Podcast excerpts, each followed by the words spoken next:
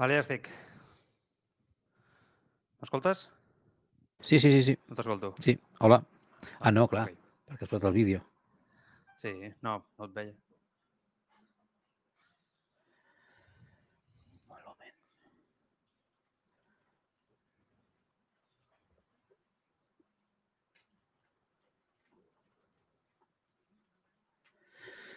Va. Eh, vale, hemos hecho una mala primera parte. Vamos, es lo que habrán hablado en el. Ya está, la primera parte ha sido mala, ya la cosa está como está y a partir de ahora hay que tirar para adelante con todo. Lanzamiento 7 metros, Ferran Solé. Vamos, Gol. vamos. Tanto de España. Ferran Solé siempre aparece.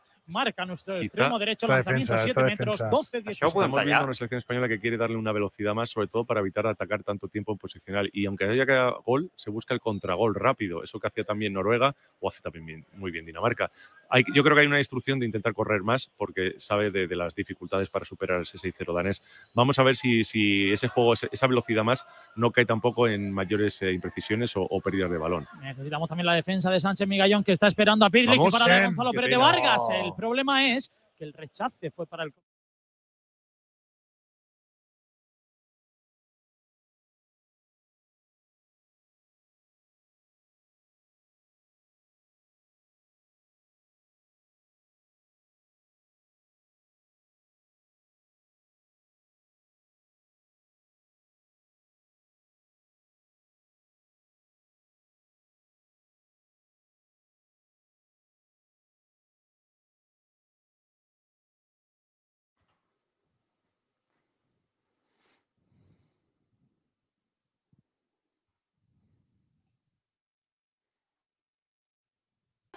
Bona tarda i benvinguts al Tribuna, un programa multiplataforma que pots escoltar en directe o quan et doni la punyetera gana. A la FM, en streaming, en podcast ara o a les 3 de la matinada.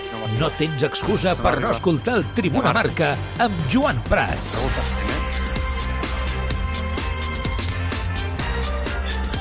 No m'arriba el senyal sonant ja l'entrada, eh?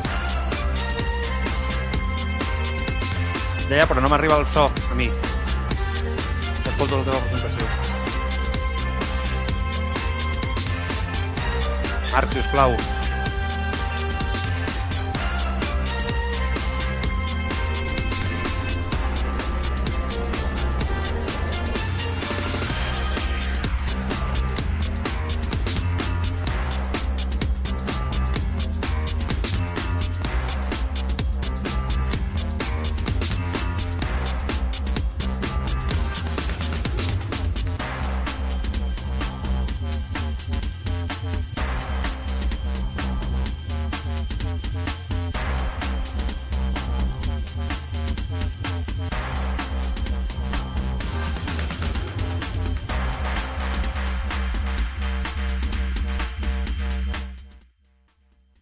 Tal, com esteu? Molt bona tarda. Hem trigat una miqueta aquí, eh, perquè estàvem acabant d'aplicar la tècnica que el truco, que ve els divendres, passa per aquí, el, ve, ve, ve, ve els divendres, es passa per aquí i el botonet, ai, ai, el botó, que no me'n recordo ja, ja com, va, com va el tema. Bé, benvinguts al Tribuna Marca una tarda més. Aquí estem, eh, amb tots eh, vosaltres, amb aquest eh, accidentat inici al Barça a una victòria de ser campió d'hivern matemàticament.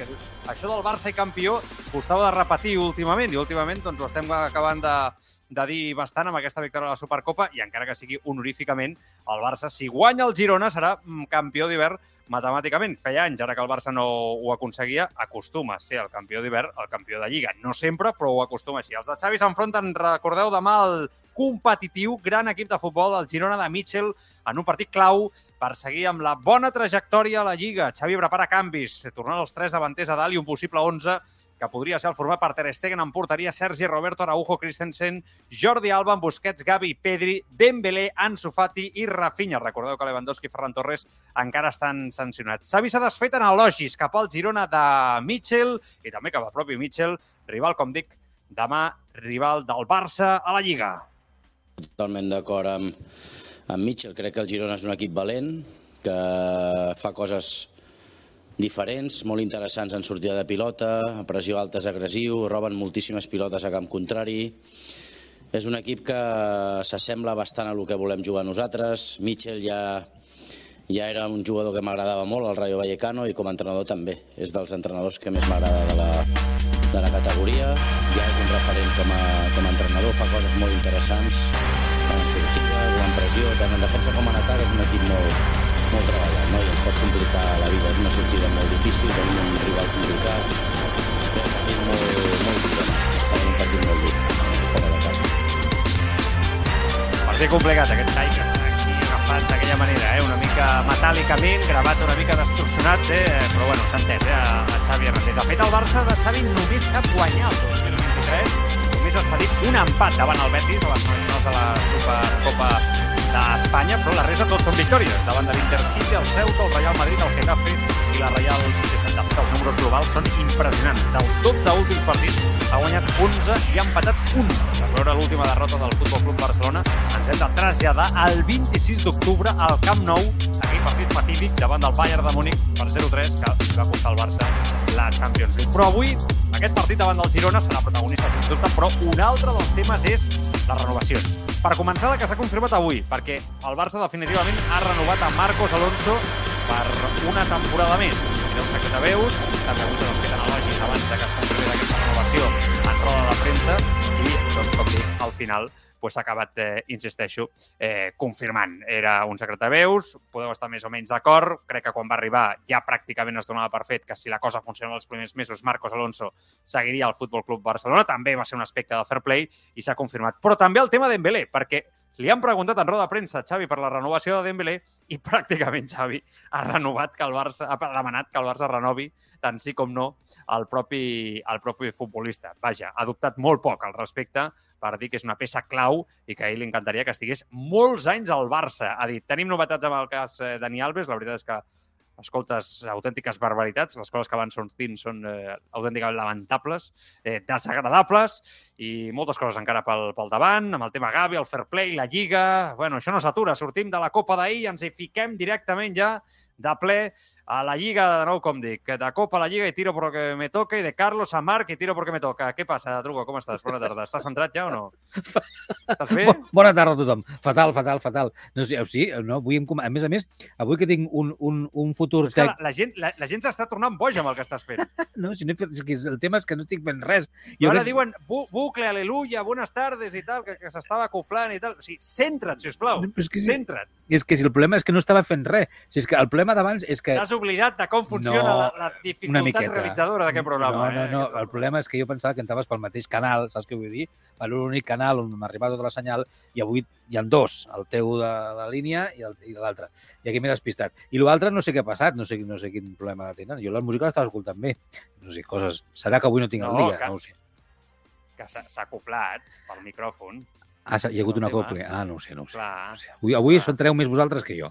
No ho sé, no sé. Tinc molt Jo ja atabalat. ho entenc. De- Després t'explico què ha passat i perquè la gent estava dient la música otra vez, bucle, aleluia. La Ah, gent estava desesperada. Que nosaltres ho llegim a través del xat de Twitch. Clar, això el de la ràdio, diguéssim, no, no, no.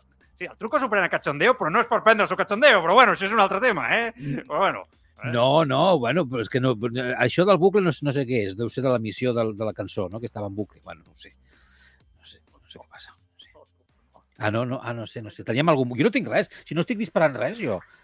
després, després t'ho explico. Ah, després m'ho expliques. Bueno, tranquil·litat, tranquil·litat, truco, tranquil·litat. Que el truco, insisteixo, portava una setmana que no passava per aquí, no? Eh, i, I al final, pues, ha arribat avui, vinga, al toro, no? I directament, bueno, en fi, um, centrem- centrem-nos. Vinga, Eh, fot-li. Estem estem a, a través... No estem a l'FM, No. estem a tot arreu, al, Sí. al Twitch, al YouTube, a tot arreu, però a l'FM no estem perquè eh, hi ha partit d'Espanya de- d'handbol i quan acabi eh, ens passem per allà també a l'altre, al, al senyal principal de Radio Marca, ara mateix eh, Espanya 15, Dinamarca 19 a la segona meitat en aquest Mundial, per tant, eh, pendents, eh, quan acabi aquest partit, doncs eh, passem també a la FM, com, com dic. Uh, els oients et perdonen, diuen, eh? i diuen que t'estimen molt, per tant, truca tranquil. Eh? Pots estar salvat per l'audiència, que és el més important en aquesta vida.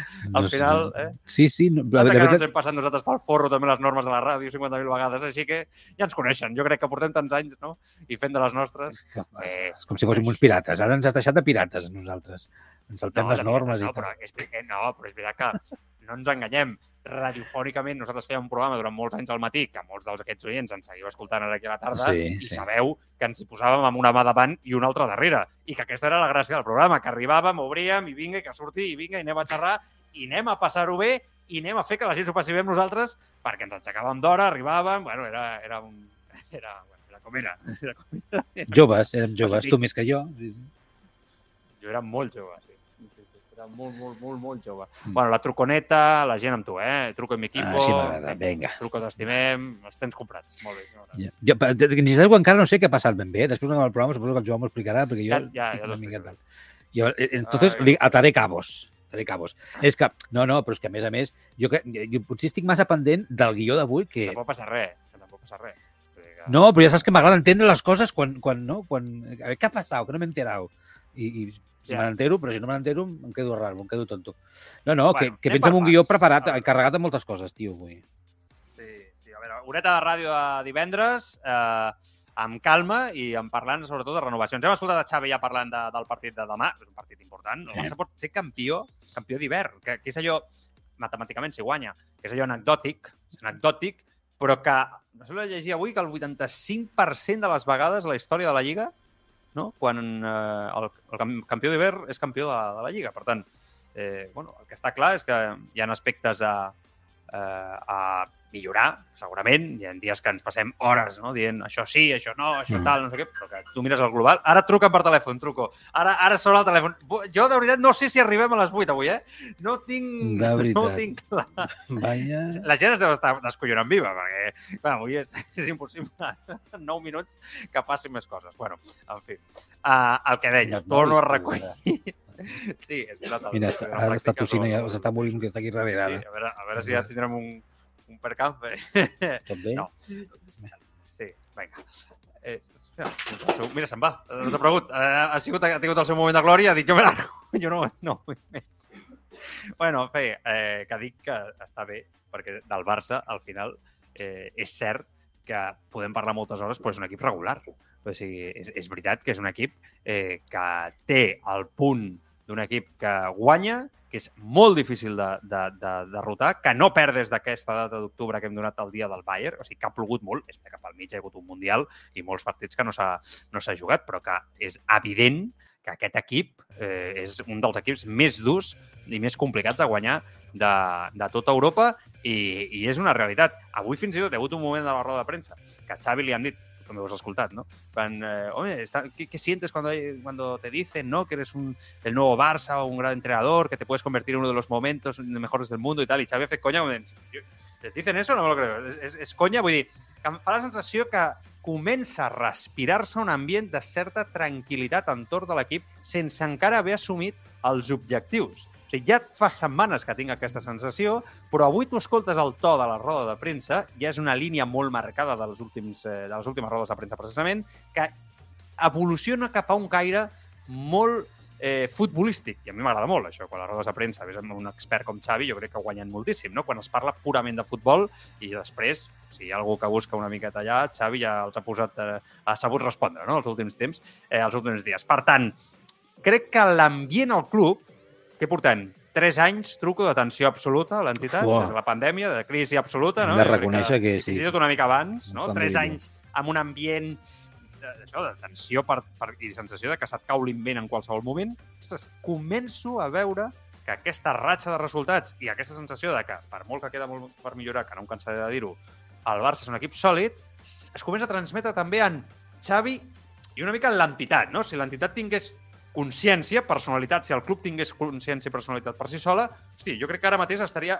Hagués, es, hagués, no sé, hagués bufat una mica com... Hagués tret aire, no? Quan, quan estàs meditant o quan estàs respirant fort, no? Per, per relaxar-te. Bueno, jo crec que uf, ens hem relaxat, no? D'alguna manera, per fi.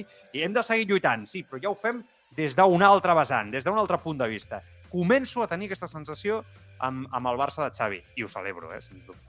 Sí, estic d'acord amb tu i, i faig referència a un missatge que justament acaba d'entrar, perquè penso el mateix que ell, eh? El Prosiquito 4, que diu, bueno, però que es confiïn molt, que no es confiïn molt, tampoc, no?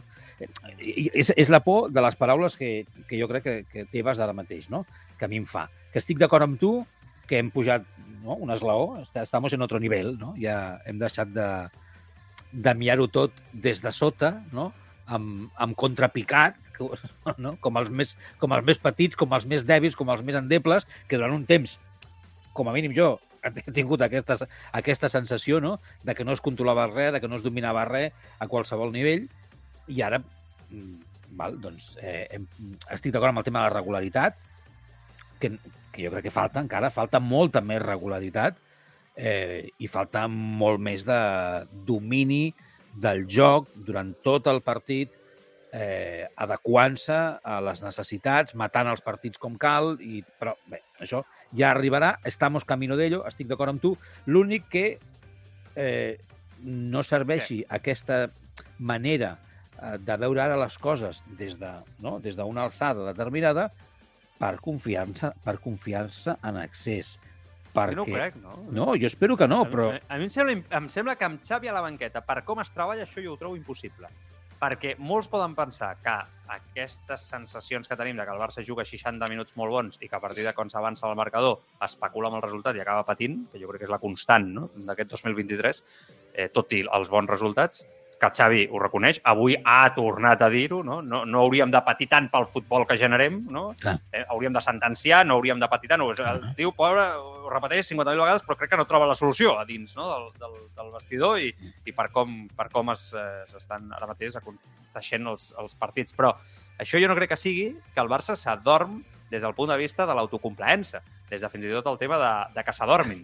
No, no ho crec pas, Mira. sincerament. Eh? O sigui, crec que és una qüestió futbolística, eh, fins i tot de manca de confiança, per por a la derrota. Ah, per però és que aquí és a on vaig. molt a dalt i tal. Aquí és on vaig. Crec que, però no crec que, ho dic per el que, el que deia l'oient i que tu has agafat el fil del mateix, no? no crec que el Barça tingui una tendència en cap moment a l'autocomplaença o que aquest equip, per com està entrenat, per com Xavi els manté a tots endollats, i escolta, ho diré clarament com ho sento, la humilitat de la majoria de futbolistes, a diferència d'altres Barces dels últims anys on brillava per la seva absència, sí que em fa la sensació que és molt difícil que caiguem en una sensació de relaxament per superioritat, per bueno, doncs, com ens pot passar tots a la vida, no? Quan vas bé No, i però- vas sobrat, doncs dius, hòstia, em relaxo perquè vaig molt sobrat, no? No crec pas. Un- I però- tampoc crec que el Barça vagi sobrat, crec que va amb el ganxo.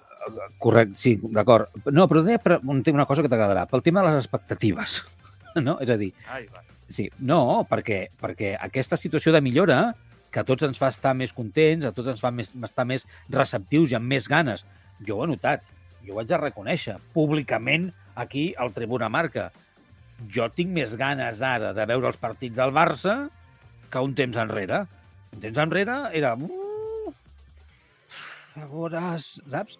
Anem a patir, poques ganes, això serà un... Va. Crec que això és... Tothom ho té. Va, Va, bueno, doncs- si tothom té aquesta sensació. Doncs clar, crec. Val, doncs aquestes ganes ens fan en alguns, ràpidament, i els primers, que jo entenc que sigui així, és els propis jugadors, a tenir unes expectatives. I a mi el que em fa por és que darrerament, en els últims anys, i fins i tot també amb Xavi a la banqueta, les expectatives no complertes o aquelles mm, jo què sé, mm, eh, derrotes, parell de derrotes consecutives, més o menys, han fet que l'equip s'enfonsés. I és l'única cosa que a mi em fa por i que només Sí, poso... però també és igual de cert que aquella única davallada d'aquesta temporada, perquè aquest, aquest discurs jo crec que serveix molt per la temporada passada, per I aquesta una vegada, anys, sí, sí. però aquesta una vegada, l'equip també és veritat que es refà, Després refet, es sí. refà, sense un gran futbol i amb moltes carències encara futbolístiques pel camí, però aconsegueix tenir una regularitat que crec que es manté fins ara, fins i tot amb l'aturada del Mundial, amb aquestes aquesta manca de continuïtat, possiblement, a l'hora de tancar els partits, aquest problema que, del qual, escolta, ja fa dies que jo ho dic, eh? si no ho soluciones d'aquesta final de temporada, possiblement en els moments claus, això et pot costar els títols, o et pot costar un títol, eh? Eh, Ara que potser s'acosta una final en la Copa amb un equip important, ara... Vull dir, jo crec que això Xavi ho ha de saber, saber solucionar perquè l'equip ha de tancar els, eh, els partits. Però fixa't, avui el Prosequito 4, que està, jo crec que tio. Uh, molt, molt... Jo crec que està endollat, molt actiu a la xarxa i estic molt d'acord amb ell a través del xat de Twitch. Mira, i el Juanito Guapito, que també diu crec que algo molt interessant, en qualsevol trabajo hay que tener motivación, i el Prosequito deia, penso que ara Xavi pot treballar amb més tranquil·litat. Els dos aspectes. O sigui, jo crec que són claus per explicar per què el Barça també està anant bé, no? O està anant per fi bé, no? o anant en una clara direcció bona. Un, que Xavi és veritat que se li ha donat una calma, un espai, una confiança que altres entrenadors no van tenir. Xavi, per mi, em sembla que és bastant més entrenador i millor entrenador que un Quique Setién, un Ronald Koeman, per mi millor que Valverde. Crec que és evident que estem davant d'un entrenador novell que encara ha demostrat que té coses a millorar, però que si tu poses una balança, a mi em surt clarament el positiu molt més alt que el negatiu. Crec que és una evidència no? que, que les coses, en, aquest, en aquesta sensació que tinc jo, no? que és que amb Xavi no? estem, estem creixent com a equip, com a, com a conjunt. El Barça va, va més. I ell s'ha fiançat en base també. Ell, jo crec que s'ha guanyat aquesta tranquil·litat de la qual parla aquest oient, no? I després està la motivació, que és, ho indica l'altre oient, que em sembla l'altre punt també molt interessant. Crec que el Barça dels últims anys no estava motivat. Podem parlar de molts aspectes, de veure que estàs en un club que és eh, campixa, que jo crec que el Barça era campixa, veure que estàs amb un equip que ha guanyat molt i que hi ha els veterans que segurament tenen la panxa plena i no tenen segurament la motivació, l'alegria o la implicació al màxim, no sé, les ganes, la rauxa que potser tens quan encara no has guanyat mai. Vull dir, són molts aspectes, un president que era com era, no sé, el que vulguis, no? Els sous i massa salarial desmesurada, que, que tothom es pensava que aquí pujant el, el, el, despatx del president sortia amb 3 o 4 milions de més, vull dir, totes aquestes barbaritats. Jo crec que van fer que el club estigués en aquesta sensació. Llavors, la motivació no, no hi era. Arriba Xavi i aconsegueix donar la motivació de nou també a un grup jove que no ha guanyat mai, però que es troba també amb una responsabilitat enorme, que és treure el club que va endavant. No? Jo crec que totes aquestes circumstàncies, juntament amb els mesos que portem ja, ens estan portant, com dic, aquesta sensació de calma. Per primer cop en tres anys, de que el Barça va en una línia bona, que va al redil, al redil, no? va, va en la bona direcció. I, I jo, sincerament, fins i tot, ara us parlo de mi, eh? com a periodista esportiu, us juro que ho agraeixo. I ho he parlat amb altres companys, eh? Us prometo que era difícil treballar amb la tensió amb la que hem treballat els últims temps. O sigui, no m'estic queixant de res, eh? Enteneu-me, vull dir, endavant i, i cap problema. Però sí que anaves a fer el programa o parlaves amb companys sobre la situació del Barça, etc. Hosti, i veies que no se'n sortia d'una de l'altra, no?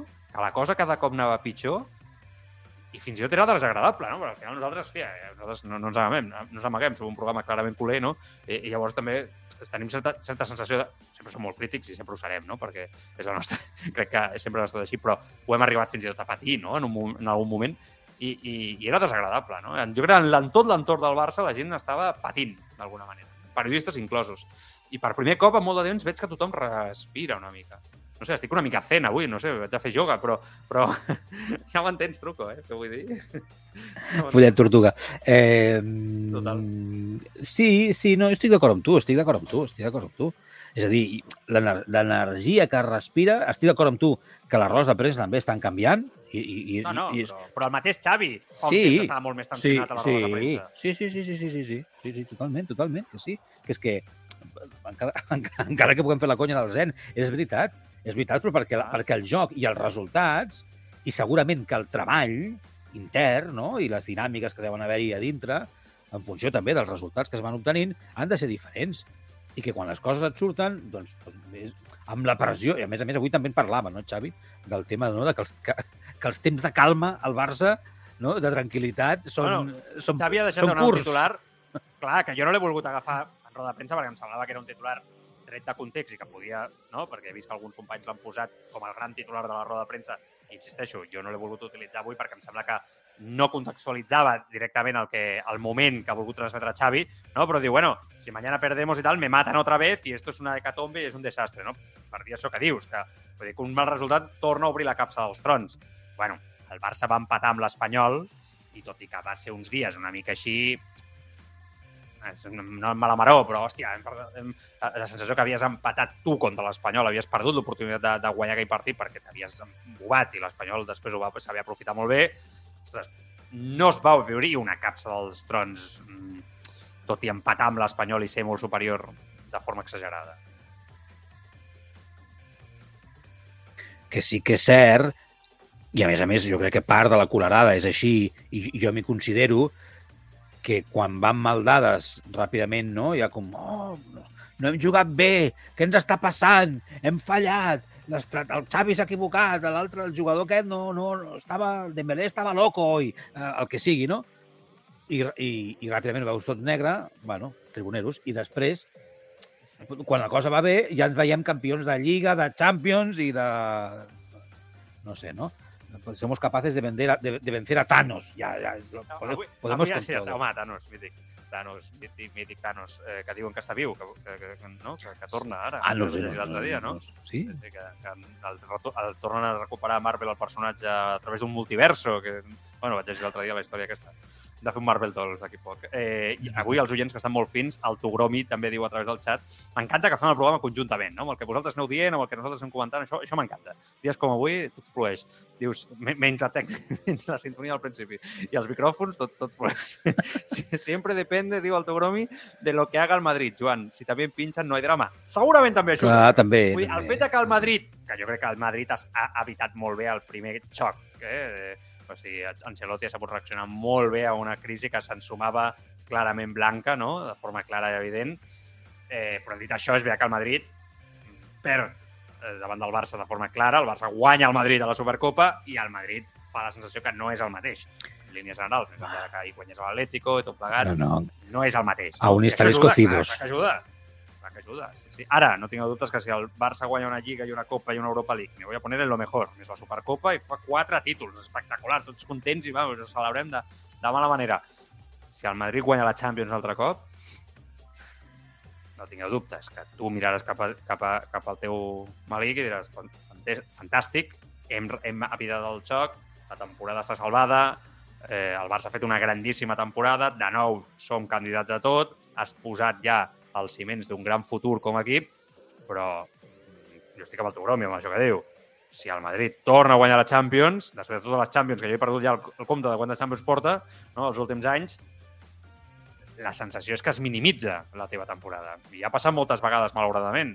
La- El Madrid amb les Champions i com ho magnifica fa cert mal.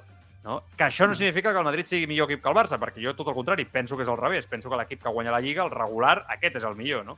Però després, la transcendència que té fins i tot dins del propi club, ens ho diuen altres temporades, mm, crec que és evident, fa molt de mal. Però bueno, no obrim tampoc aquest eh, meló, perquè segurament no pertoca i, i és bastant desagradable. Culpa meva.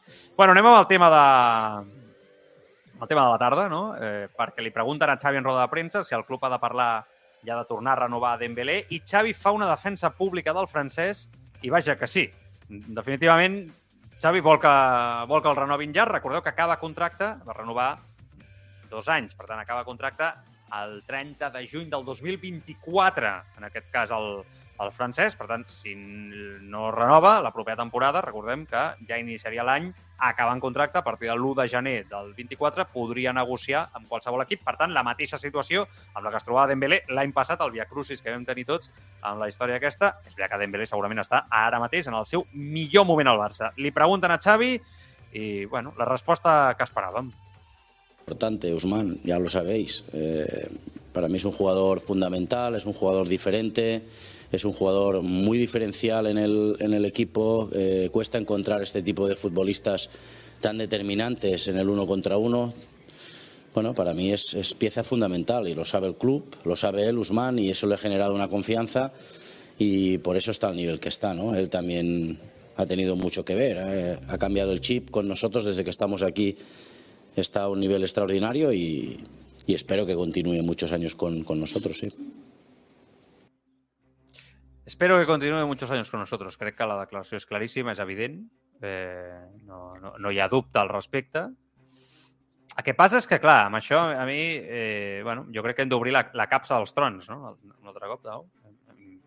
L'hem d'obrir perquè la, la realitat és la, la que és. Vull dir, Dembélé té un entorn complicat, un representant eh, que cau malament al club, que ens ha marejat, que ens ha mentit, que ens ha enganyat, i, i Dembélé va jugar a la puta i a la Ramoneta durant molt de temps, va estar fins i tot apartat, recordeu? Va ser xiulat al Camp Nou, ha capgirat aquesta situació, es va quedar al Barça, va acabar renovant, ara el jugador està fiançat, jo segueixo tenint un interrogant molt gran, el Barça té problemes per renovar, ara en parlarem, a tota la resta de joves jugadors per inscriure'ls, ara el Barça obrirà la veda al tema Dembélé. Em sembla, vamos, pràcticament impossible, sincerament. I també aquí està l'altre tema. Què demanarà Ousmane Dembélé? Clar, Dembélé entendrà ara mateix la situació, mm, tindrà un sou de continuïtat, eh, seria un jugador que diu jo vull seguir al Barça tant sí com no i endavant, o ara Dembélé, si acaba la temporada a dia d'avui, diguéssim, ostres, ha fet una gran temporada, no? Imagina, després del partit de l'altre dia, la sensació és que tens aquí una joia, no? s'aprofitarà, apretarà, tornarà a obrir una tortura xina al club per part del seu representant, ell jugarà dos bandes, especularà, filtrarà, perquè sabem que el seu representant es va dedicar a filtrar a mitjans de comunicació d'aquí i estrangers tota mena d'ofertes de Dembélé, acords falsos... Sí, bueno, de tot, és igual. Eh, què passaria, no? El Barça està preparat per tornar a viure un serial com aquest? Jo crec, sincerament, eh, es- escolto el Marc, jo, sota el meu punt de vista, crec que el Barça hauria d'anar a la renovació de Dembélé, si el teu entrenador t'ho demana, això, aquest punt ja el tenim, per tant, però dos, sobretot si, i aquest segon punt per mi és l'important, saps que Dembélé tindrà una actitud de club. Si Dembélé tindrà una actitud beligerant, com la que va tenir l'altra vegada, jugant a dos bandes, que no saps per on cueja, el representant, l'oferta, el Barça crec que ara mateix no es pot permetre com a club entrar en aquesta dinàmica. I, tres, crec que no hi ha mi- millor moment per vendre'l que si fa una bona temporada aquest estiu. Aquest estiu. El problema d'això és que el Barça, recordeu que es porta només el 50% de la venda, eh? que això s'ho va assegurar el representant a l'última negociació. Que si el ven per 50 quilos, el Barça només en porta 25. Mal negoci. Eh, jo és que, No s'acaba mai, eh, aquesta història? és que, és que tant de bo m'equivoqui, però crec que tornarem a estar emmerdats de fang fins al coll una vegada més. Perquè ja saps que jo estic d'acord amb tu amb que hi ha segons quines coses que crec des de fora, a nivell de gestió, de valors, de club, que no s'haurien de permetre, no? I que s'ha de demanar que el jugador hi sigui. Però això ho demanem tu i jo des de la ràdio, o la gent des de casa seva eh, consumint mitjans de comunicació. Però a dins del club, en el moment que, que es plantegi la renovació d'aquest jugador, que està aquí, aquest jugador continua aquí al Barça. Després de tot això que has dit, després de tot el que ha passat, Dembélé continua aquí, al Barça. Sí. No, no, vull dir que per què no ha de continuar? És a dir, si, si amb tot el que ha passat Dembélé està aquí, ara a sobre, i mentre a sobre el noi vagi eh, eh, augmentant el seu pes, eh, el seu poder de decisió dins del, del, de l'equip, els seus representants demanaran el oro i el moro i més. Mira, o no. Va, ja veuràs. Jo, jo crec que depèn també molt... Ja, a veure, jo crec com tu, eh? perquè eh, al final el representant volia cobrar la prima que no va cobrar el dia que Dembélé va fitxar des del Borussia Dortmund al Barça i aquest va ser el problema de tot plegat. Vull dir, que al final Dembélé semblava que volia seguir, jugava una mica, si Socó defensava els seus interessos... Bueno, a veure, el representant fa la seva feina, no? Sí, jo sí. crec que és evident. Jo em queixo més, per molt que Xavi sempre digui el contrari, jo em queixo més de l'actitud de Dembélé que de la de Sissoko. Perquè Dembélé, que ara sí que parla davant dels mitjans de comunicació i se'l veu endollat, implicat, i ha hagut un canvi en la seva personalitat, mm -hmm. és evident. Dembélé mai va sortir davant dels mitjans de comunicació d'una forma clara a dir no, no, no, no, oye, que me quedo, mi representante la está liando, no, no. Ell va guardar silenci. Fins i tot amb Xavi, el, el documental de Prime es veu, quan parlen Xavi i Dembélé, que Dembélé guarda silenci quan li està dient que l'apartarà de l'equip. O sigui, és que i Dembélé juga, a, bueno, jo estiro, estiro el xiclet perquè vull treure el millor contracte possible, tu. I jo crec que després d'avaluar totes les circumstàncies, Dembélé en algun moment potser va dir que marxava, i al final va dir, bueno, doncs em quedo. I jo és la meva sensació. Puc estar equivocat? Sí, per suposat, és la meva sensació. Per tant, crec tot em porta a que estarem obrint el meló de nou, el meló de l'especulació absoluta. Clar, el Barça l'hauria de renovar ja. Si realment vol ser una aposta per als propers anys, i capdalt i capital, i aquest Dembélé que vam veure l'altre dia, que és veritat que jo crec que no és una cosa només de l'altre dia, jo ho vaig dir, i crec que és una cosa ja d'aquest inici de 2023, jo estic veient un Dembélé tàcticament, que era el que em preocupava, molt més, molt més assenyat i molt més intel·ligent. Perjudica menys a l'equip el dia que té un dia menys brillant. Per tant, compte, si això té continuïtat, si això és una aposta estratègica pels propers 5 anys, un jugador capital en la teva davantera, home, mm, llavors es- eh, el Barça, a dia d'avui, 27 de gener, ja hauria d'estar parlant amb aquest senyor. O sigui, no, no és, no, bueno, el renovat... No, ja, ja, estratègicament. Però, Però, Joan- jo crec que el club, això ho vol Xavi, però el senyor Mateu Alemany té, té poques ganes de tornar-se a seure's amb el senyor Sissoko, jo crec que Joan Laporta, per molt que li agradi Dembélé, el president és completament conscient de les circumstàncies, saben el que hi ha a l'altre cantó i ara mateix dubten. I ara mateix dubten. I després que no hi ha marge salarial, que és que aquesta és una altra, en parlarem, però... És que el problema, és, els, problemes, els problemes són molts. Jo Tot porta a, no, No és- a que acabem igual que sempre. Sí, perquè, si, com dius tu, la junta directiva o part de la junta directiva mm, es, es desempallegaria del jugador intentant treure'n un rèdit econòmic, etc etc, que, que, que ho entenc, no sé si és així o no és així, però eh, és igual. Mentre sigui el, el, la niña de los ojos, no? Com és allò? Eh, de, de Xavi, mm, Bueno. i, i a més a més, donant el rendiment que dona, mm, la junta directiva de, de Joan Laporta mm, té el brownie històric d'haver deixat escapar o haver perdut o haver mm, facilitat la no continuïtat de Messi en el club. Mm, Ara eh, faran el mateix amb Dembélé? Jo crec que no. I ja, no és que el mateix. no és el mateix, ja, ja, no és el mateix, però jo crec que otra, otra xapita no, no se la posen. I, eh, I després la situació del, econòmica del club fa que, com dius tu, si es volgués renovar ja, no es pot, perquè el, problema econòmic al Barça continua estant. No ens el traiem de sobre. Sembla que les coses van fent bé, que es van els números, però res, al final estem com estem i no hi ha la pasta ni, ni, ni la, la possibilitat financera d'afrontar unes operacions com cal. Bueno, ara en parlarem. Tot això ve per, per moltes coses. Que sobretot és la Lliga, eh? perquè jo crec que el Barça ara mateix té, té certa capacitat financera per fer segons quines coses, o com a mínim així traslladen, per exemple, renovar els jugadors sense que representi un drama, com era fa Ja, un any, a però- nivell de liquiditat de, de caixa, no? perquè has tingut les palanques i tot plegat, o sigui, hi ha cert marge, el club a poc a poc es va recuperant. El problema és la interpretació de la Lliga. És que no vull tornar a fer aquest programa perquè el portem fent dos dies amb el Carlos i, i serà reiterar una mica, però clar, és evident que el Barça està pujat o dona voltes entorn a la mateixa circumstància. Bueno, tema Dembélé, jo crec que ha tocat, està allà, és notícia. Xavi, indirectament, quan li pregunten, perquè és un tema que no treu ell, però sap perfectament com funciona el tema, i pressiona. És la seva funció com a entrenador, és un jugador talismà per ell, diu el truco, és la nineta dels seus ulls, doncs pràcticament podem dir que sí. No sé si és el seu jugador preferit. Jo, jo noto que així jugadors preferits preferits a Xavi i tal, jo crec que és Dembélé, Pedri i Gavi. Jo, jo crec que són els seus eh, nens dels seus ulls, no? una mica d'aquesta plantilla. Així com, com Guardiola tenia Messi, Xavi i Iniesta, no? que els tenia en, en un punt per sobre de tota la resta de la plantilla. Bueno, i Busquets, i Busquets, clar, i Busquets és l'altre.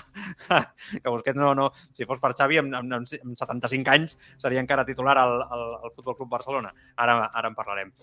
Tenim molts aspectes, us estem llegint, hem anat llegint alguns missatges, però deixeu-me que traguem el tema Marcos Alonso i a partir d'aquí, si voleu, eh, després llegim missatges. Eh, avui farem tard, eh? ja, ja, ja ho veig venir.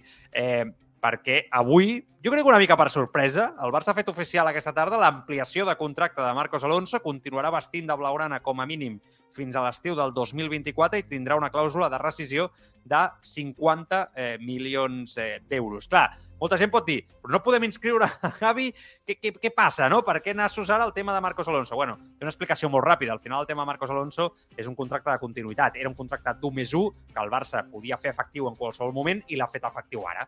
No? Perquè tant, a nivell de marge salarial, la Lliga sí que entenia que era possible la renovació de Marcos Alonso.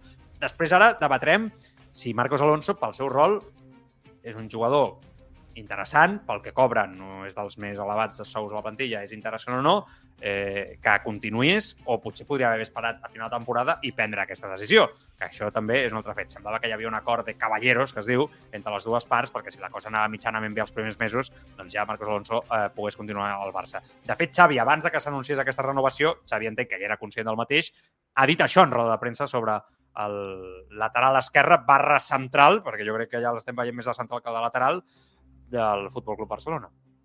Era un tema parlat amb Mateu, amb Jordi, amb el club. Eh, bueno, estic molt content amb Marcos, molt. Molt content. Primer, com a, com a professional, com a persona dins del grup, s'ha adaptat d'una manera extraordinària. És una persona fantàstica dins del vestidor i després, com a futbolista, és, és solvent, és, és un jugador contrastat, té una maduresa per jugar a diferents posicions espectacular. Bé, crec que és un fitxatge de molt alt nivell, no? I que a poc a poc està sent important per l'equip i ho serà, ho serà en els pròxims partits segur. Bueno, aquestes peces com Sergi Roberto, no? aquests jugadors que, que són polivalents, que mai seran un 10, quan dic un 10 supercracs mundials, però són jugadors que ja tenen experiència, tenen molt futbol i que l'entrenador ho valora molt. Que no els posarà mai en els grans partits perquè té altres peces no pel davant, però que escolta, et surt a la segona meitat i t'ho fa bé, et juga aquest partit a la Lliga de continuïtat perquè és baixa, és baixa el titular i juga ell entre les rotacions i sempre et manté un, un 8, que no es matin aquí a Ràdio Marca, Eh, bé, tot bé. Eh, i, I són un 8. Sí, avui és un dia especial, eh? És, és, és, és, I un 8, no? Un 7-8, no? Sempre en la seva nota. Mai et surt el 10, però sempre un 7-8. Bueno, jo, jo, jo ho celebro, em sembla que és un jugador interessant, ja ho vaig dir al seu dia, va venir sense pagar traspàs, doncs, no sé, no és que tampoc es pot dir massa més. Jo crec que tots coincidim, no? Que, que la, la notícia del dia, si vols en forma de renovació tancada, doncs, em sembla estupendo, no? Sí. No, no, crec, no crec que es pot dir massa més al respecte. L'única cosa potser que es pot dir és que aquest va ser el fitxatge on es deia que el fill de la porta havia comissionat. Eh, que, que, Bueno, no- no ho ara, nega, eh? No, ja, ja, ja, però vull dir que eh, ja investigarem eh, si el soci, perquè no seria el fill de la porta, sinó el soci del fill de la porta, Raül Verdú ha estat o no implicat també en aquesta renovació. Però bueno, com no ho sabem ara, tampoc podem dir massa al respecte. Vols fer algun comentari al No, respecte? no, que... No? És, T'agrada Marcos Alonso? Sí, jo, jo, jo, jo estic d'acord amb el que explicaves tu i amb el que ha dit Xavi. Uh, clar, si ho posem tot amb un anàlisi de comparar per què renovem aquest, per què amb aquest altre no, per què no es fa confiança i es prioritza, no, no, sense entrar en tot això, no? en, en prioritzar eh, renovacions eh, i, i, a- i, i els jugadors dins del mateix vestidor, jo crec que, com deies tu, és una, una incorporació que a nivell econòmic, doncs, benvinguda sigui la seva arribada i que mm, jo li faig confiança, igual que Xavi. Jo crec que, com deies tu, és un perfil de jugador que ara mateix el club necessita i si respon, doncs endavant. Per suposat. Tema renovacions que em dic. Eh? Avui el diari Esport explica que les renovacions, bueno, deia que el tema Marcos Alonso doncs ja s'ha confirmat, no? i de Valde estan pactades i tancades. El tema és el fair play de la Lliga. Veus, així com hi havia aquest pacte amb Marcos Alonso, Marc, que la Lliga et permetia l'1 més 1, amb Sí. Valde, per exemple, com és una renovació total, la Lliga diu que no, igual que amb Gavi, no? per exemple. Iñaki Peña, el Ja. mateix, tot tancat, però la Lliga no t'ho no permet. Bueno, el Barça ja sabem que ha denunciat la Lliga, bueno, un, un berenjenal. Araujo, el mateix. Però sí que explica avui el Diari Esport que, que no poden ser inscrites però que la situació és bona, de calma. No? Ahir ja confirmàvem també aquestes informacions. A part, Xavi ha fet saber al club que vol també que Sergi Roberto renovi dos temporades més, que coneix molt bé el joc de posició i valora molt la seva polivalència. Una mica el mateix que ha dit per Marcos Alonso, crec que ens serveix per Sergi Roberto, aquest perfil de, de futbolista. Jo sé que ara la gent dirà no, Sergi Roberto no, Sergi Roberto no hi juga, Sergi Roberto no hauria de renovar. Eh, bueno, però escolta, el Barça ara mateix té el que té. O sigui, per començar, Sergi Roberto és un jugador que pot jugar al mig del camp, que pot jugar al lateral, que no es queixa, que és de la casa, que cobra, ell ho va dir fa poc en una entrevista a rac com un jugador que acaba de pujar al primer equip del filial. Jo crec que, sincerament, necessites aquest estil de futbolista. Clar, si em dius, no, és que si no ve, no marxa, marxa Sergi Roberto, vindrà un crack mundial. Home, doncs que no, no renovis a Sergi Roberto. Però el problema de Sergi Roberto era quan cobrava com un crack mundial, no? és que Clar. ho hem dit moltes vegades. Ara jo trobo normal que Xavi vulgui tenir certa continuïtat amb la seva plantilla. És que els entrenadors necessiten que, que els jugadors siguin habitualment els mateixos i que no els hi canviïn cada dos per tres els futbolistes. Que això a vegades oblidem des de fora, no? Tot- Total, totalment d'acord i a més a més amb jugadors bueno, que més enllà del que va passar no? amb, amb les seves renovacions i no? que també va ser una història així una mica tèrbola eh, de posicions eh, no trobades entre club i, i jugador. És un jugador de, de la casa que porta molt de temps, que es coneix al vestidor i que... Molt estimat al vestidor. Molt estimat. Molt estimat. i que en aquests últims mesos jo considero que no, no ha estat per llançar. Vull dir, la seva continuïtat ha servit, ha tingut bons moments. molt. Ha Aleshores, tingut molt bons moments, es lesiona molt després. Eh, Bueno, però... Sí, però per exemple, l'altre dia va jugar de titular, ara no recordo el partit exactament, yeah. el del, Getafe, no? I, I al final acaba sortint perquè veus que a la que el partit es, es complica eh, no, no, no, no és, no és eh, Condé, que és el lateral dret, no? Clar. Eh, titular. L'altre dia va, va jugar al, al Getafe, correcte. Eh? Correcte, va sortir de titular i el va acabar substituint eh, Xavi. Eh, a la que la cosa es complica, a la que el partit te- t'exigeix una mica, eh, Sergi Roberto pateix. Jo crec que és una, una obvietat. Eh, ara, és un jugador polivalent que en els últims anys ha quedat molt assenyalat en alguns partits, jo crec que és veritat, però sobretot quan li has exigit que et doni aquest rol de titular indiscutible en una posició que no és la seva, el lateral dret. En altres posicions, home, jo crec que et compleix clarament. És un futbolista interessant. Hi ha qui diu, és un gran estafador, Sergi Roberto. Jo he escoltat molt això, no? Un gran estafador. És un... però, no, però ja no pel, pels diners, sinó perquè, perquè és a vegades un, un futbolista poc vistós no? de cara al públic, que no entra massa pels ulls, però els entrenadors Llueix. a tots els agrada, a tots, eh? i, i el, el valoren molt. Tema de les renovacions. Xavi li han preguntat com ho gestiona, si pot afectar els futbolistes en el seu rendiment, sobretot a Araujo i Gavi, no? que són els que jo crec que ens tenen a tots més preocupats després d'haver pactat ja aquesta renovació, haver-se anunciat i que no puguin ser inscrits amb aquests nous contractes. Xavi ha dit això.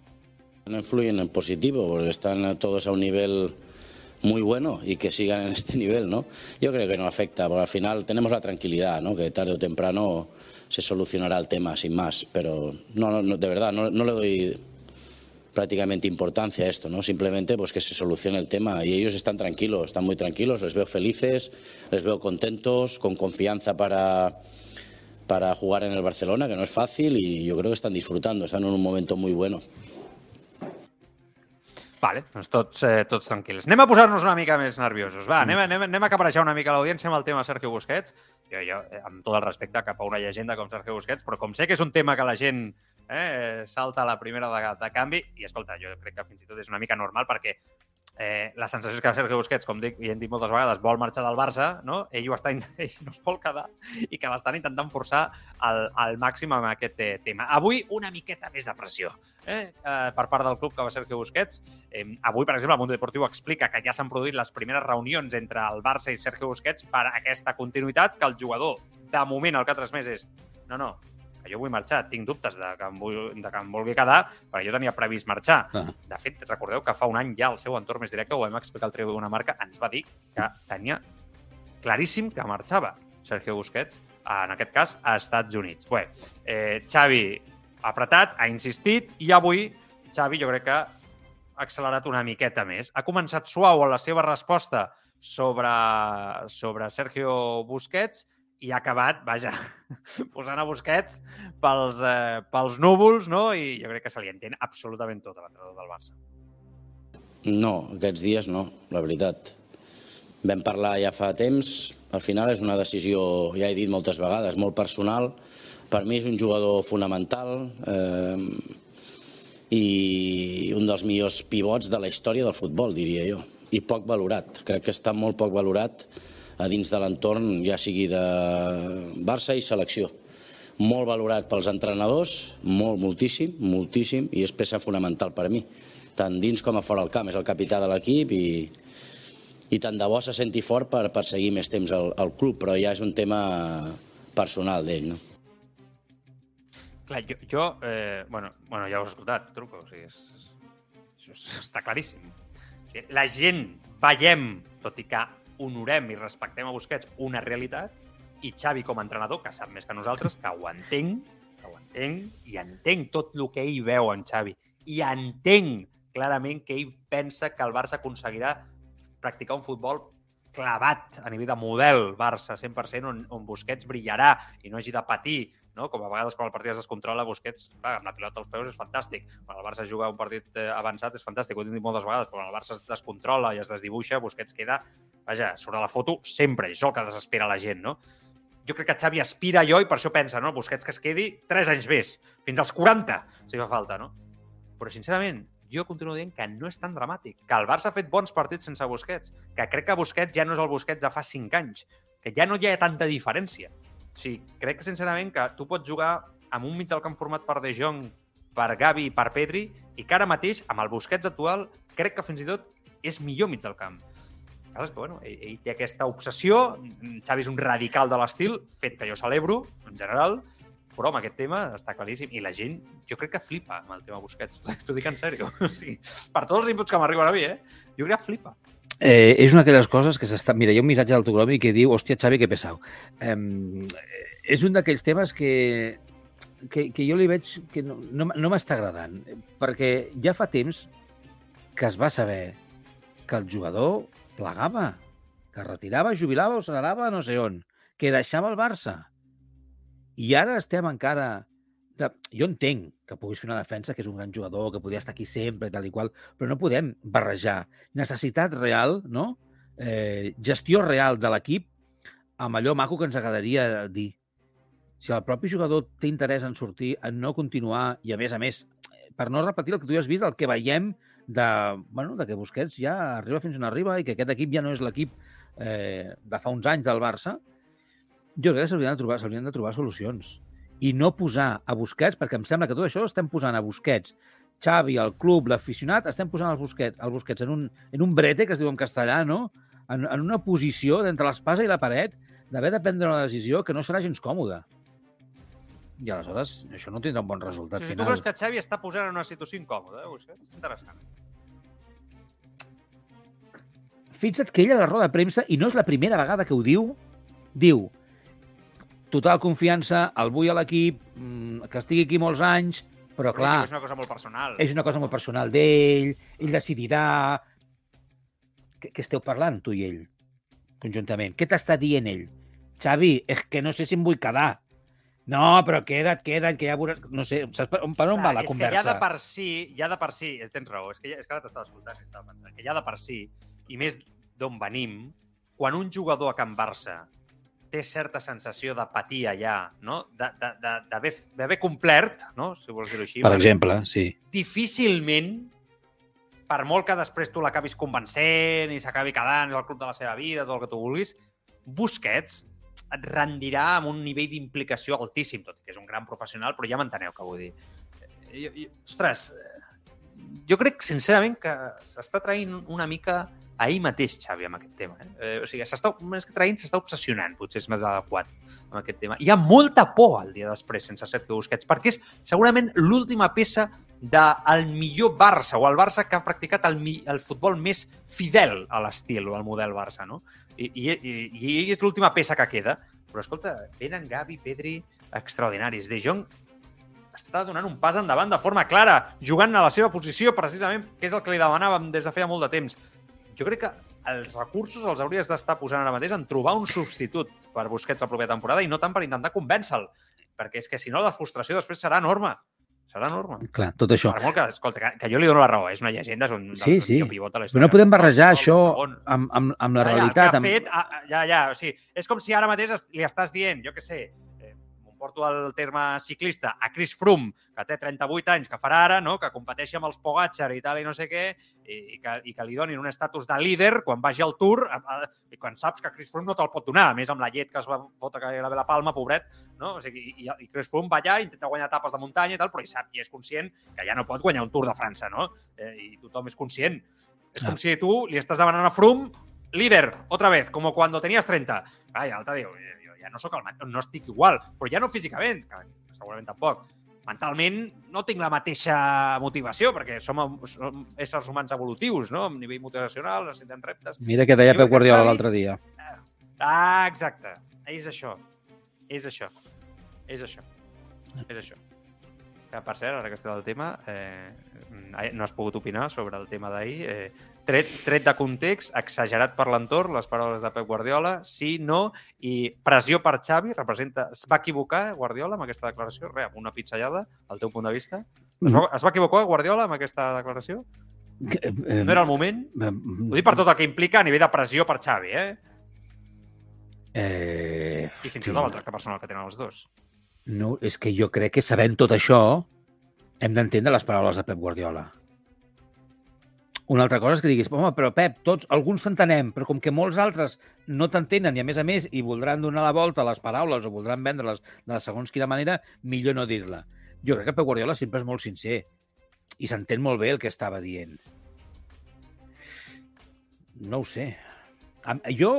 mm, Jo ja vaig dir que per mi es podria haver estalviat, eh? És una persona que coneix Sí. perfectament el conjunt mediàtic del Barça, com, com funciona la, la, la seva persona. Sempre ha dit que no i ara diu que sí. No és casualitat. Això és el que sí, això és el que sí que m'ha estranyat.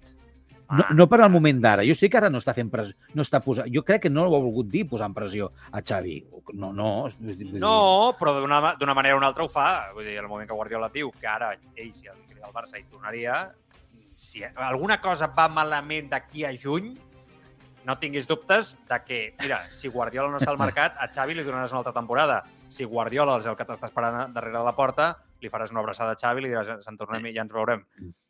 Ja, sí, sí que és curiós que, això. I que entri el crac. Guardiola, íntim amic de la porta.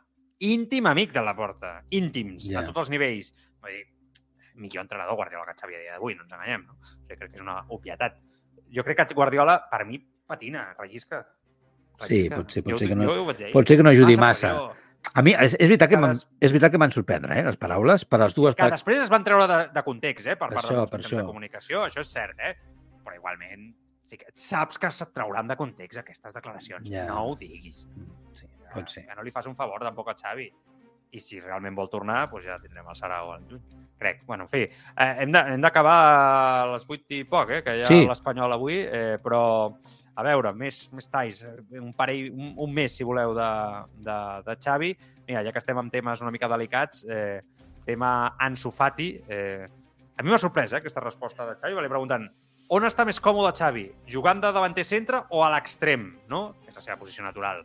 Ho dic perquè els últims partits, quan ha jugat pel mig, Ansu Fati se l'ha vist vaja, patir durant els 90 minuts una cosa de bojos. O sigui, patir fins i tot demanar-li a Gavi que, que ho vaig dir aquí, no? que se li veia que ves tu cap al centre i jo em passo, em passo una mica a l'esquerra perquè estava desquiciat Ansu pel centre. Jo crec que d'una forma clara. Vull dir, a, a Ansu encara estem, li estem demanant que recuperi la seva posició natural i quan el canviem de posició, el posem com a davanter, jo crec que encara encara se li fa encara més una, una muntanya. És la sensació que tinc pel moment que viu el, el jugador. I avui Xavi ha dit això, que no veu massa diferència entre les dues posicions. Yo creo que se siente cómodo Ansu cuando, cuando está cerca de la portería. Hay que intentar pues eh, nutrirle de balones, que tenga ocasiones, que tenga oportunidad. Ansu tiene las dos capacidades, de jugar de espaldas, de ir para adentro, de ir en profundidad, es rápido, es veloz, tiene uno contra uno, tiene todo para marcar la diferencia de tres cuartos para, para arriba, que es lo más, lo más difícil de encontrar en el, en el fútbol. ¿no? Entonces, las dos posiciones son, son muy buenas para él. Fixa't en la diferència quan parla d'Ansu Fati i de Dembélé, eh? Sí, tot i que... T'has fixat, eh? T'has fixat, eh? I sí que hi ha una mica... Sí. Tens raó que hi havia una mica de, de llenguatge corporal. Sí, sí, sí, sí, sí, Ah. sí, sí. Jo, jo ho noto, això. Som, som molt Jo ja capollets, li eh? Apretem molt, No, no. però, però sí que és veritat que Ah. pot ser que... Sí, sí. Sí. És que, a veure, jo, jo sincerament crec que tots vam veure eh, a Ansu patir més com a davanter centre que a l'esquerra.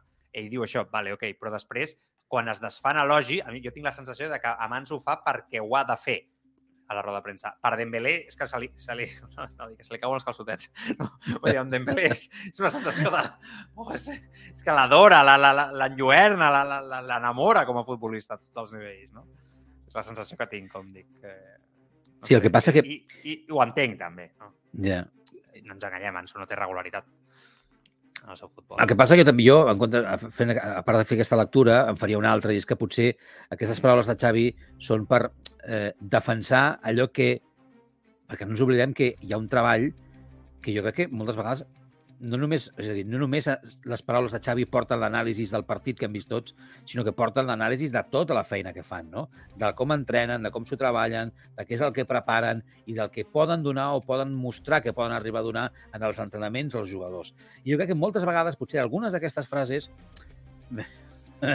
més enllà de dir perquè les ha de dir, jo crec que moltes vegades deuen venir recolzades per allò que intenten treballar, no? Allò que intenten fer en els entrenaments, que potser després en els partits no acaba, no acaba de sortir, perquè em Això és costa, la vida. però que, vull dir que em costa entendre que Xavi digui segons que en roda, en roda de premsa, més enllà que se'l vegi molt més trempat parlant d'un que parlant d'un altre, que això evidentment és, és, és així, però vull dir que quan, quan diu el que diu sobre Ansu Fati, que acabem d'escoltar, jo entenc que potser més refermat o sigui, més per refermar allò que ell veu en els entrenaments, allò que intenten eh, posar en marxa i allò que amb el jugador intenten treballar, que potser no acaba de sortir i que és, que és on vol arribar. I, per tant, en roda de premsa intenta defensar-ho com, no, com una cosa que, que és interessant i que serà possible, més enllà d'una altra lectura, Bueno. espero. Anem a llegir missatges eh, i si ens dona temps eh, acabem de tocar el tema de, el tema de, Dani, de Dani Alves, que bueno, hi ha algunes qualitats bastant desagradables, sincerament. Eh? Vull dir, però bueno, eh, hi ha un fotimer de missatges, els hem guardat tots pel final avui, en una única tongada, per tant, truco, tot teu. Vinga. Veig que tens aquí estrelletes seleccionades amb, amb molts dels missatges dels oients a través del Twitch, a través del canal de YouTube. Som-hi. El Prosequito 4 que deia anem en tendència positiva però sense relaxar-se, que és com obrirem una mica el, el programa d'avui. El Togromi que després deia, diu, lo repite mucho pero no se soluciona. Igual no sabe solucionarlo y eso sí es un problema. Fent referència a, al que estàvem dient de Xavi al principi. No recordo exactament per què, eh, també. El Peter Smack que diu, a mi eso Diu, a mí eso que dices de que no me ilusiona ver un partido del Barça no me ha pasado jamás, ni me pasarà. Eh? Perquè abans hem dit que, ven, que ven no, alguns... no, no us sentiu ofesos per això. No, no, però ell ha dit que ell, ell no. I el Prosequito, el Prosequito ha contestat, el Barça i se tienen, eran infumables de ver. I, i, i anàvem i, i deia, bueno, com a mínim jo, perquè a mi jo crec que el Barça es traïa la seva idea més pròpia, més pura com a club, i jo, jo acabava de mala llet amb aquells partits. I anava i ja em vaig a posar-me de mala llet. Vaig a posar-me de mala llet. La sensació que tenia. I aquí he tingut la resposta mm, del Peter Smack, però és més, és més Belén Esteban, eh? Diu, el Barça jamás es infumable de ver, yo por el Barça lo dejo todo. És, eh, de total. Molt bé, el Prosequito que després a, a, escrivia anem bé per guanyar Lliga i Copa, però per ser competitius a Champions encara ens queda molt per això. El Togromi que apuntava, si gana la Champions no se va celebrar igual la, la Liga, però que comentàvem abans, no? que deies tu, que si el, el Real Madrid finalment no sabem com, ni ho sabien ells, potser es feien amb un nou títol europeu. El DJ Jols que deia, ha habido años que el Barcelona ha ganado Liga y Copa y al ganar el Madrid la Champions ha sabido derrota. Exacte.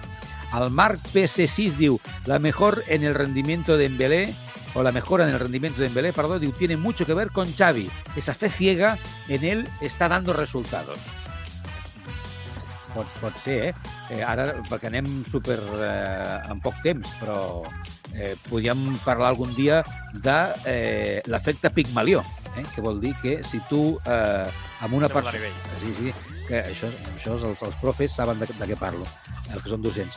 És a dir, si tu al teu alumne, o en aquest cas a un treballador o al, al, al jugador, eh, el veus com que és l'hòstia, que pot fer-ho, que té possibilitats, que pot arribar, que sí que sí, pel món de que tu vales, que tu vales, que tu vales, i li projectes això, la- la- l'altre, si no és un turit, clar, l'altre, l'efecte és que es va creixent, es va creixent, i això pot ser que estigui passant en positiu amb Dembélé i potser en negatiu amb altres. Això serveix molt també per la gestió en l'entorn laboral. Ah, sí, sí, sí. Moltes vegades ho dic.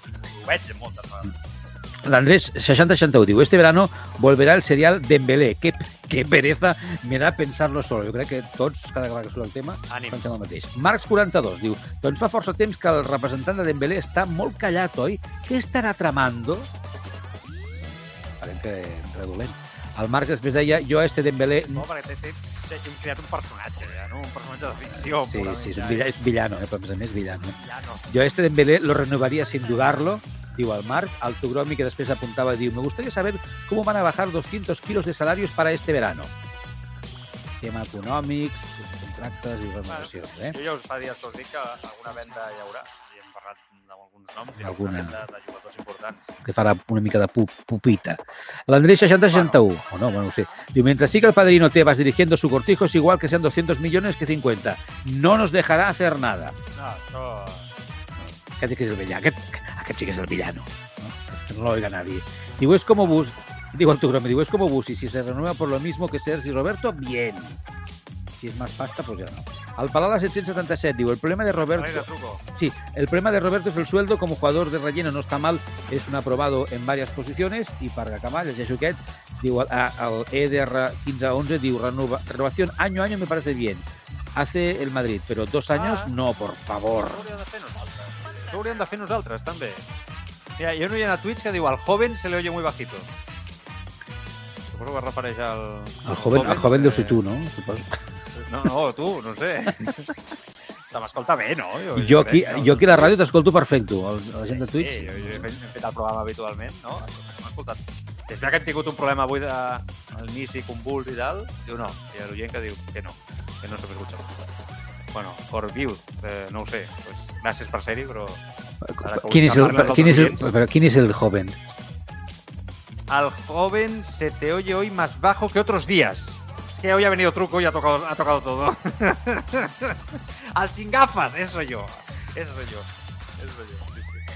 Clar, que eh, Sí, clar, que avui, avui. Bueno, jo, deixem clar, sí. Te- tenim, tenim els noms. El sin gafas. Se llama, espera que Luli Star Wars recta diu, se llama Mark. Aquí ya, Eh, El de gafas. El de gafas, el de gafas. El sin gafas, Bueno, no. que nosotros llevamos gafas. Otra cosa es Pero tú mai, tú mai...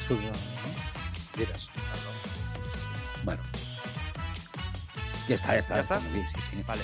No, veig que no surten els noms a la pantalla del Twitch. És una cosa que m'ha- no puc entendre per què. Normalment surten els noms. Avui Ah. no sé què... Bueno, hòstia, hòstia, avui quin programa portem, eh? Vols, vols que ho investigui ara o què, això? No sé. Hi ha un oient altre oient que diu la música massa elevada. Mira, amb això de la música m'esteu tornant boig, eh? Però què passa amb la música? Jo Vale, l'escolto ja estupenda. Habitual, ho tenim ca igual que cada dia, tu. Però ara ja està. Ara, l'he- l'he- ara l'he- això ho toco jo, tu. Ara l'he baixat ja, que, que, que, que en aquest sentit... Eh, avui estàs en modo austero. Sí, avui, avui estem minimalistes. Estem, estem de divendres. El joven claramente Joan, diu el Marc. Bueno, bueno. Benjamin Button, eh? Esto no se sabe. Bueno, escolta, el millor que podem fer és marxar. Vinga. Crec que és l'hora, a més. Jo crec que és el millor que podem fer. Ve l'Espanyol, ara els companys de l'Espanyol pel davant. Estem a l'FM? O, o, No, no, o- no. Ah, fa estona que ha acabat el partit d'handbol, no Ah, hem sí? connectat tampoc no, amb no, l'FM. no. Som així. Ah, estupendo. No, era una possibilitat, una possibilitat. Lleváis un par de días con la música muy alta, ¿vale? vale pues, eh, escolta, eh, ara, ara està bé? Ara us, us sembla bé? Us, Però si us no hi ha bé? música, no hi ha música ara. No, bueno, tu no l'escoltes, però és que, la, la, és que això, perquè avui, ja, ens, avui ens despullem davant de vosaltres. Ah, mira, el sí. so que rebem nosaltres és un, però al Twitch i a YouTube se'ls hi puja amb ells. Això ja ho tinc comprovat jo de, de totes les emissions i de quan... Els de Twitch, amb els de Twitch se'ls puja. Sí, sí, sí. Llavors, veus? Ara, ara jo crec que l'hem deixat bé. El, em pregunten per l'handbol, res, Espanya ha quedat eliminada. Uh, ha perdut uh, 26-23, ha guanyat Dinamarca davant de- d'Espanya. bueno, que marxem. A veure què fa el Barça, el Barça demà. Demà penjo vídeo al canal de YouTube després del partit davant del Girona i el dilluns eh, tornem amb la música baixa, eh? us ho prometem. Eh, ja, ja, regulari... ja, ja, ja, ja posarem el volum com, com toca. Truco, cuida't, eh? Bon cap de setmana. Bon cap de setmana per tu, eh? Que descansis i Igualment. amb tranquil·litat. Vinga, Intentarem. bon, bon fin de per tots. Cuideu-vos molt. Adéu-siau.